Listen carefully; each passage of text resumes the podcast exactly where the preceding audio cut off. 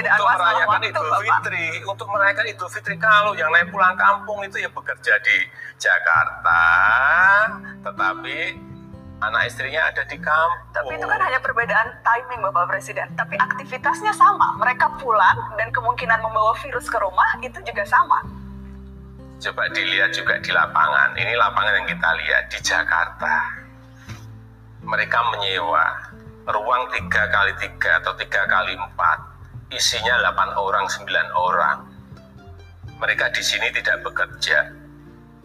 Lebih berbahaya mana? Di sini, di dalam ruangan, dihuni 9 8 orang atau pulang ke kampung tapi di sana juga sudah disiapkan isolasi dulu oleh desa saya kira sekarang semua desa sudah menyiapkan isolasi ini yang pulang dari Jakarta lebih bahaya mana? Halo teman-teman sekalian, satu menit pertama di podcast Tom Sembiring ya. Saya kira teman-teman sudah eh, tahu mengenai rekaman ini dan sudah menyaksikannya sendiri melalui televisi atau mungkin sosial media yang lain dan jujur ini mengagetkan, ya, Ini mengagetkan dan menggelikan gitu, konyol. Dan kalau kemudian ada yang mengatakan ini presiden keliru. Salah. Saya sepakat 1000% presiden salah. Karena KBBI mengatakan eh, demikian ya. Tetapi baiklah kita melihat apakah kebijakan yang diambil itu lepas dari terminologinya salah atau tidak ya. Banyak orang mengaitkan di sosmed ya di memes gitu ya. Mengaitkan ini eh, seperti mudik dan pulang kampung ini seperti naturalisasi dan normalisasi. Saya beri catatan sedikit bahwa eh, soal mudik dan pulang kampung ini ada sesuatu yang dilakukan. Meskipun mungkin terminologi atau istilahnya membuat kita menjadi tertawa gitu geli gitu ya tetapi ini beda dengan naturalisasi dan normalisasi yang setelah diperdebatkan sekian lama tetapi pada dasarnya tidak dilakukan apa-apa untuk menindaklanjuti. Itu perbedaannya. Nah, jadi saya ya ingin membagikan beberapa catatan mengenai eh, apa yang saya simak ya. Sebelumnya saya kemarin ingin posting juga gitu kekonyolan itu, tetapi saya menahan dulu diri dulu sebentar karena menurut saya ini sesuatu yang serius. Kenapa? Ada begitu banyak potongannya karena saya mengambil membaca dari Twitter ya, potongan dari Twitter melihat dan menonton dari situ karena pada saat acara Mata Najwa itu berlangsung saya juga harus menonton juga Gubernur Anies Baswedan dan beberapa tokoh berbicara mengenai relasi pusat dan daerah dalam menghadapi pandemi.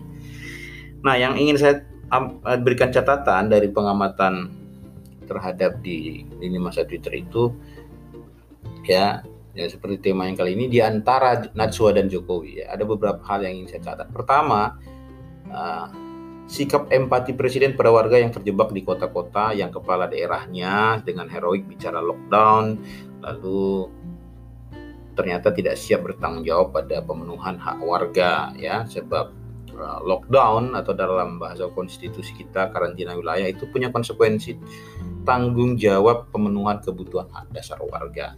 Dan ini sebenarnya terkonfirmasi lewat segmen di mana kemudian presiden ditanya soal uh, kenapa tidak memilih karantina wilayah. Presiden sudah menjelaskan bahwa selain alasan kemudian selain ruang fiskal juga kemudian karakteristik sosial, kemudian geografis dan sebagainya ada banyak pertimbangan di sana yang disampaikan presiden. Ini menjawab juga beberapa pertanyaan yang selama ini menggelitik saya juga kenapa belum juga ada lockdown gitu ya atau karantina wilayah. Kemudian juga terlihat dari ketika Mbak Nana bertanya mengenai kesan tumpang tindih eh, kebijakan antara penutupan misalnya operasi KRL sebagai pencegahan dengan kemudian kebijakan yang mengambil pusat untuk membiarkan ya dengan berbagai pertimbangan. Jadi kita tahu ketika presiden mengatakan kalau siap menanggung jawabi, bertanggung jawab memenuhi kebutuhan mereka yang mengandalkan hidup dari KRL itu, ya pedagang asongan, kemudian tenaga kesehatan dan sebagainya, presiden akan memberikan kesempatan itu kepada daerah. Artinya apa? Artinya pemerintah daerah yang meminta juga kebijakan itu dilakukan tidak siap mengambil konsekuensi dan tanggung jawab jika seandainya atas nama pengambilan keputusan itu rakyat itu tidak dipenuhi tang kemudian hak-haknya. Yang disebut oleh Pak Jokowi, saya tidak bisa seperti itu. Itu yang saya tidak tidak bisa ya dengan ada sedikit uh, ya melankolis begitu ya. Tapi itu menandakan ada empati.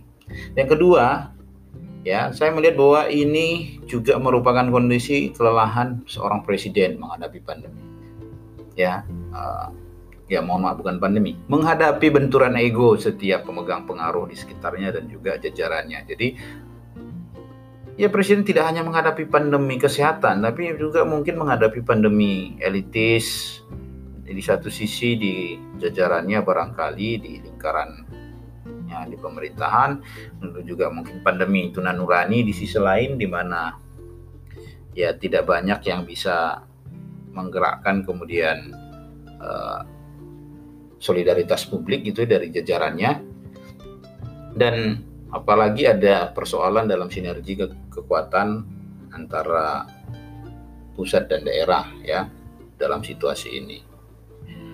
Nah, yang saya lihat lagi yang ketiga pemerintahan kita itu tidak punya tenaga besar ya dalam menghadapi pandemi, rapuh dan dirapuhkan. Rapuh karena memang sekian lama bangsa ini digerogoti pandemi korupsi sehingga tak punya ruang fiskal maupun politikal yang memadai. Ya, kemudian dirapuhkan karena setiap elit berusaha menunjukkan versi terbaik kelompoknya sendiri, alih-alih versi terbaik negeri ini yang ditampilkan. Berikutnya yang saya lihat dari pernyataan di mata Answa itu ada etikat baik dari presiden memandang situasi warga yang tak punya opsi banyak di kota, terutama mereka yang bukan warga penduduk kota tersebut yang secara administratif bisa kesulitan mendapatkan bantuan pada saat pandemi. Nah, meski jadinya keprihatinan itu membuat Rio dan viral soal kata mudik dan pulang kampung, ya, tetapi mari kita melihat sesuatu yang esensial di dalam itu. Saya tidak membela presiden soal ini, saya sepakat bahwa itu bisa mengganggu karena secara kamus yang sudah disepakati oleh ahli bahasa kita viral ya eh sorry mudik ataupun pulang kampung itu pada dasarnya ya kurang lebih sama. Persis seperti kata Mbak Nana aktivitasnya sama. Tetapi eh, cara penanganannya sudah dijelaskan oleh presiden meskipun dengan pemaknaan sendiri ya. Aktivitasnya sama. Saya ingin benturkan sekaligus presiden mengatakan memberikan penjelasan antara yang pulang kampung dengan yang mudik ya. Ya sebagai seorang yang pernah berKTP Aceh dan ya saat ini juga masih sebenarnya dalam proses untuk menjadi warga Jakarta ya saya tahu betapa kemudian kalau Anda punya KTP di daerah, tapi Anda berada di daerah yang lain, misalnya di kota misalnya, Anda berasal dari KTP Anda di desa, lalu Anda bekerja di kota. Apalagi kalau misalnya itu jaraknya jauh. Maka tentu tidak semua hak-hak konstitusional Anda sebagai warga kota, sebagai warga negara itu bisa dipenuhi secara optimal. Katakanlah seperti saya, saya hanya bisa mendapatkan hak kesehatan karena BPJS itu sudah nasional gitu ya dan juga hak pemilu. Tetapi saya tidak pernah mendapatkan bantuan apa-apa tuh PKH atau apa selama saya kemudian susah kemudian kesulitan ekonomi ketika dulu kuliah dan sebagainya. Tidak ada yang bisa di, dibantu karena saya tidak ada di daerah asal. Nah, situasi ini yang mungkin juga dilihat oleh presiden bahwa bagaimana dengan mereka yang bukan warga di kota Jakarta tetapi ya mereka tidak lagi memiliki mata pencaharian dan di kota itu tidak bisa bertahan. Sementara kalau pulang, apalagi sekarang sudah ada desa-desa yang punya kebijakan sendiri, apalagi juga di daerah perbatasan setiap kabupaten kota juga ada kontrol dan ada uh, proses karantina ya yang melibatkan juga relawan relawan-relawan di sana. Ya, ada kemudian penelaahan terhadap situasi yang tidak ideal ya. Nah, pertanyaannya, kondisi ideal seperti apa yang bisa ditawarkan oleh kemudian mereka yang mengkritisi pernyataan presiden tersebut? Ya. Soal mudik dan pulang kampungnya, oke, okay, kita sepakat salah. Pertanyaannya apakah ada yang melihat bahwa pernyataan presiden dalam mengambil kebijakan kebijakan yang menurut saya itu sama-sama buruk ya, sama-sama buruk tetapi mana yang lebih banyak buruknya gitu. Ya, presiden mengambil yang lebih sedikit buruknya. Jadi ada dua situasi buruk ya, sama-sama akan bergerak nih pulang kampung, mudik ini sama-sama bergerak. Menggerakkan orang, memobilisasi massa. Tetapi presiden dan jajarannya memilih oke okay, diberi ruang bagi mereka yang memang tidak punya akses lagi di kota untuk bertahan lebih lama, mereka juga tidak uh, mungkin tidak akan mendapat support secara administratif karena mereka bukan warga DKI Jakarta secara administratif begitu. Jadi jadi pilah. Nah, pemerintah mau tidak mau mengambil itu karena ya kembali lagi seperti yang poin ke tiga tadi di sebelumnya ya bahwa ya Indonesia ini rapuh sehingga tidak punya cukup ruang fiskal atau juga keuangan yang memadai untuk menopang uh, situasi ini. Itu ya berikutnya. Yang kelima, ya menurut saya presiden kelirunya itu justru ya, justru ya karena dia membuka diri terlalu uh, terlalu luas ya, terlalu terbuka terhadap Mbak Nana. Memang selama ini kita tahu presiden saya kira orang yang sangat respect terhadap Naswa Sihab dan juga programnya yang selama ini disukai oleh publik ya. Ya mestinya menurut saya ya entah ini kesalahan di biro komunikasi kepresidenan atau memang presiden sendiri sadar dengan pernyataannya dan siap ya untuk mempertanggungjawabkan pernyataan itu. Saya nggak tahu mekanisme kemudian uh, cross check uh, konten yang akan ditayangkan itu seperti apa dari uh, kepresidenan sendiri dan juga saya nggak tahu kenapa Mbak Nana juga mengangkat itu karena saya yakin harusnya sebagai jurnalis juga tahu bahwa itu akan lebih menarik ya. Kalau memang alasannya karena itu lebih menarik, ratingnya menarik, ya saya kira ya tidak ada bedanya Mbak Nana juga kemudian dengan media lain ya. Karena harusnya ya tugas juga jurnalis itu selain juga membuka fakta-fakta dan juga kekonyolan seperti itu juga menimbang supaya jangan sampai episode itu kemudian kehilangan banyak pesan-pesan uh, penting ya. Tapi ya juga tidak bisa disalahkan ke tim editorialnya. Itu karena itu respon publik sebenarnya. Hanya menurut saya mestinya bisa di diprediksi sejak awal bahwa ini akan menutup isu yang lain yang sebenarnya di dalam beberapa segmen video itu sangat-sangat dalam ya. Saya berterima kasih ke Mbak Nana dan uh, eh, Trimata Natswa bahwa kita jadi tahu kenapa nih selama ini misalnya relasi pusat dan daerah ini kenapa sih ini kok kesannya begini ini kenapa? Nah presiden menjawab dengan lugas termasuk terbuka mengenai batasan-batasan yang dimilikinya sebagai seorang kepala negara dan batasan-batasan negara kita dalam menghadapi pandemi ini semua jadi kelihatan terima kasih Mbak Nana nah jadi menurut saya ya poin kelima ini tadi Presiden keliru membuka hanya beban itu di depan Mbak Nana dan mungkin jajaran internalnya. Ya, mestinya ya sejak awal itu ya Presiden menggelar telekonferensi dan membuka kemudian pembicaraan dengan para menteri, gubernur dan sebagainya itu di hadapan publik. Jadi dia siarkan saja langsung mengenai bagaimana Presiden melakukan konsolidasi dan koordinasi sehingga publik juga bisa melihat. Ya anggap saja itu seperti musyawarah virtual bangsa ini gitu ya supaya kita bisa melihat nih siapa yang sebenarnya pemerintah daerah yang siap dan sigap.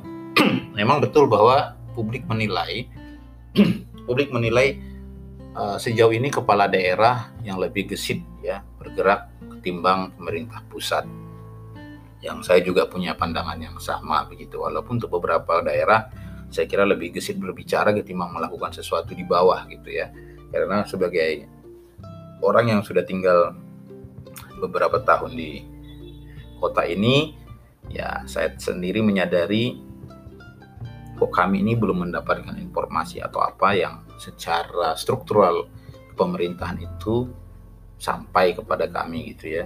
Apakah saya nggak tahu mungkin juga karena ada skala prioritas dari pihak kelurahan dan sebagainya. Nah, jadi mestinya digelar tuh musyawarah tuh secara oleh conference. Lalu kita lihat nih ya bahwa pemerintah pusat lambat ya tentu karena kewenangan dan juga tugas fungsinya juga lebih ribet gitu ya lebih luas ya.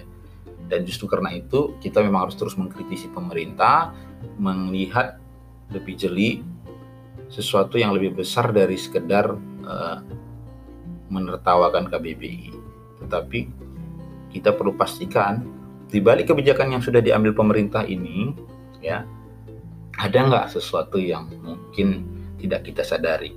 Ini yang sebenarnya, ya, di antara Pak Jokowi dan Mbak Nana itu tidak tersingkap. Ya, misalnya, ya, misalnya, apakah di balik kebijakan itu, di balik kebijakan mengatasi pandemi, justru tidak ditumpangi oleh pandemi lain, misalnya pandemi korupsi, Apakah kemudian dibalik kebijakan-kebijakan yang diambil oleh Pak Presiden dan jajarannya tidak ada potensi misalnya korupsi dan sebagainya atau potensi kerugian negara yang lebih besar? Itu mestinya juga jadi salah satu yang diulik. Yang berikutnya adalah kita selanjutnya mau ngapain nih? Mau ke mana? Ya, apakah kita juga harus mudik atau pulang kampung atau seperti apa nih? Gitu ya. Harusnya pertanyaan itu ke mana ke mana ke mana dan ngapain lagi nih kita nih? Karena ya bahwa Pak Presiden optimis ya optimis. Saya juga optimis bahwa kita ini masih bisa akan bertahan nih. Tetapi seandainya misalnya tidak sesuai prediksi kita lalu harus ngapain? Skema apa sih yang disiapkan misalnya? Nah di antara Pak Jokowi dan Mbak Nana ada bagian-bagian ini yang kita luput pertanyakan ya sejauh pengamatan saya di sosial media ya mungkin Mbak Nana tidak luput tapi ya bagi saya eh, kita terluputkan di situ. Nah kemudian eh, yang sedikit menarik eh, adalah surprise bahwa di antara di jeda waktu itu ya di antara setelah Mbak Nana dan Pak Jokowi bertemu di episode itu muncul tuh di antara Mbak Nana dan Pak Presiden ada Pak Jok Pak Prabowo ya yang tiba-tiba muncul di sosial media lalu menyerukan untuk uh, bersama-sama mendukung bangsa ini pemerintahan ini dan ada selipan uh, pesan personal mengenai keyakinan beliau terhadap uh, figur Pak Presiden ya. Jadi semacam oase di tengah keriuhan kita saat ini di, di dalam masa pandemi gitu ya. Jadi Pak Prabowo muncul gitu ya, muncul dengan dengan eh, pesan-pesan uh, yang cukup memberikan dukungan moral bagi bangsa ini. Juga cara kusut Pak Jokowi ada penguatan pada atasan dan mantan rival sekaligus sahabatnya. Lalu yang menarik lagi itu adalah apa yang disampaikan oleh Pak Prabowo bahwa pesan untuk menanam tanaman dan sebagainya. Ada semacam indikasi soal ketahanan pangan. Apakah kita mungkin juga luput ya mempertanyakan itu di mata Naswa yang memang tidak akan bisa mempertanyakan semuanya. Apakah kita sudah siap dengan ketahanan pangan kita ya? Jadi kalau ini dalam masa panjang, pandemi ini masih dalam jangka panjang, ya selama ini saja kita sudah impor gitu ya. Apakah kita bisa nih untuk melakukan swasembada untuk memenuhi kebutuhan sendiri. Nah, keuntungan orang-orang di desa itu ya di situ. Kalau selama kita masih punya tanah, masih ada ubi yang bisa ditanam gitu ya. Masih ada juga semangat gotong royong yang bisa di, dilihat dan ada dana desa juga yang disalurkan ke ke desa-desa. Saya kira itu mungkin jadi salah satu alasan kenapa kita lihat orang akhirnya ketika dalam situasi tidak pasti di kota akhirnya ya kembali ke desa gitu ya. Kembali ke asalnya masing-masing di mana mereka merasa lebih secure gitu ya. Lebih aman.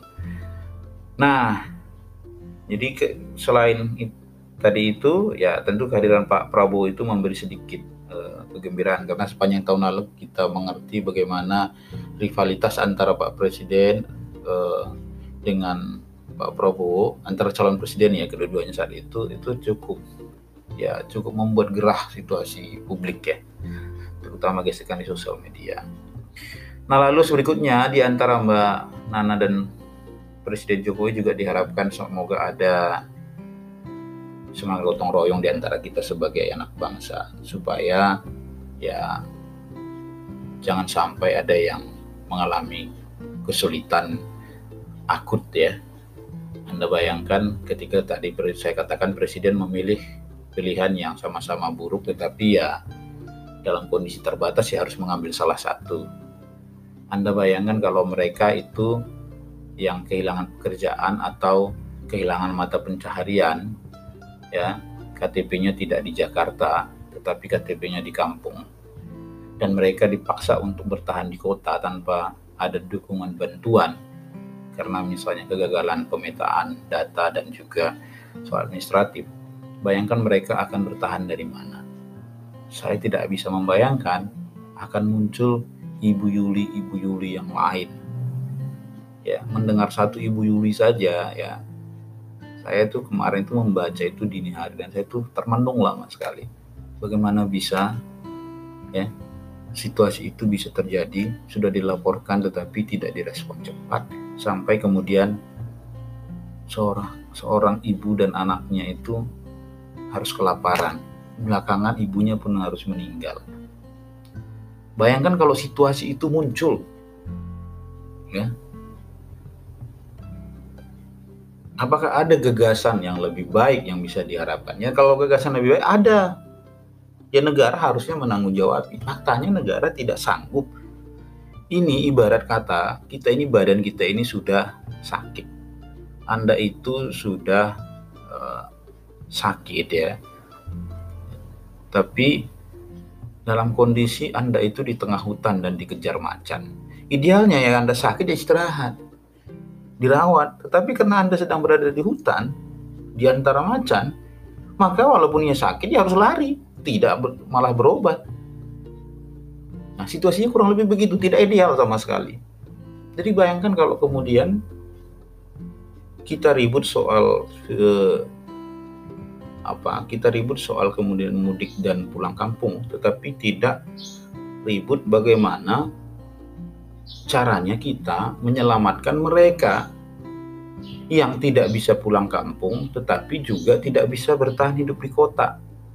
Kita tidak bertanya bagaimana caranya supaya bagaimana mereka yang tidak bisa mudik itu tidak kesulitan tinggal di kota. Ya. Nah ini yang perlu kita telah lebih jauh. Ya, saya tidak mengatakan bahwa anda tidak boleh mengkritik. Saya justru seorang pengkritik dan saya suka bahwa rakyat itu kritis. Tetapi baik kalau kita pertajam lebih jauh dan syukur-syukur bisa menjadi sebuah gerakan moral ya, gerakan gotong royong bersama untuk menghindari munculnya Ibu Yuli Ibu Yuli yang lain atau Atek Atek lain. Ya Atek ini seorang bapak ya seorang tukang uh, las bubut gitu di Medan sana yang harus mencuri beras karena mata pencahariannya sudah mulai berkurang dan istri di rumah kelaparan. Ya, karena istri di rumah kelaparan. Maka mau nggak mau harus melakukan tindakan yang sebenarnya keliru. Ya situasi-situasi ini yang barangkali menjadi dasar pertimbangan seorang presiden ketika menyebut ya antara mudik dan pulang kampung itu tadi. Nah, jadi begitu sahabat-sahabat dan saudara-saudari sekalian sedikit catatan dari saya mengenai dinamika pasca munculnya dan viralnya kata mudik dan pulang kampung ya bolehlah sebagai hiburan ya anggap saja pelepas uh, stres tekanan mental saat kita ini harus berada di rumah saja atau ya bekerja bekerja saja karena tidak bisa di rumah saja dan justru menjadi stres itu ya intinya anggaplah ini hiburan tetapi semoga kita tidak hanya menertawakan soal itu tetapi memahami ada esensi yang bergerak di sana yang perlu diperhatikan bahwa presiden dan jajarannya sedang mengupayakan yang terbaik untuk bangsa. Pun saya katakan demikian, tetap masih harus kita waspadai jangan sampai yang terbaik ya membuat yang terbaik dan kebijakan untuk bangsa, tetapi di belakang juga ada yang demi kepentingan bangsa gitu ya mohon maaf gitu ya. Nah saya kira uh, ini momen yang baik untuk kita saling uh, mendukung satu sama lain tetap kritis tetapi juga jangan lupa untuk uh, mencari solusi melakukan sesuatu yang konkret ya terutama di sekitar kita untuk membantu mereka yang kesulitan. Pada akhirnya saya mohon maaf kalau ada kekurangan dalam podcast kali ini. Uh, kepada teman-teman yang berpuasa, saya sampaikan selamat menjalankan puasa, selamat beribadah. Semoga Ramadan kali ini, tahun ini, meski terasa berbeda, ya, bukan sepi, tetapi istimewa karena Tuhan memberi kesempatan kepada kita untuk beribadah secara intim dengan keluarga dan dengan dia saja begitu. Nah, kita berharap semoga selama Ramadan ini teman-teman bisa beribadah dengan lancar dan diberi keberkahan. Tolong doakan juga bangsa kita sama-sama berdoa agar kita cepat melewati pandemi ini. Dan pada saatnya semoga bangsa ini mencapai kemenangan ya. Terima kasih sudah mendengarkan podcast ini sehat selalu, jaga jarak, jaga kesehatan mental, jaga juga kesehatan kantong, ya dan kesehatan-kesehatan yang lainnya. Tetap semangat, semoga bangsa kita bisa berjaya melewati pandemi ini. Amin, amin, amin. Semangat!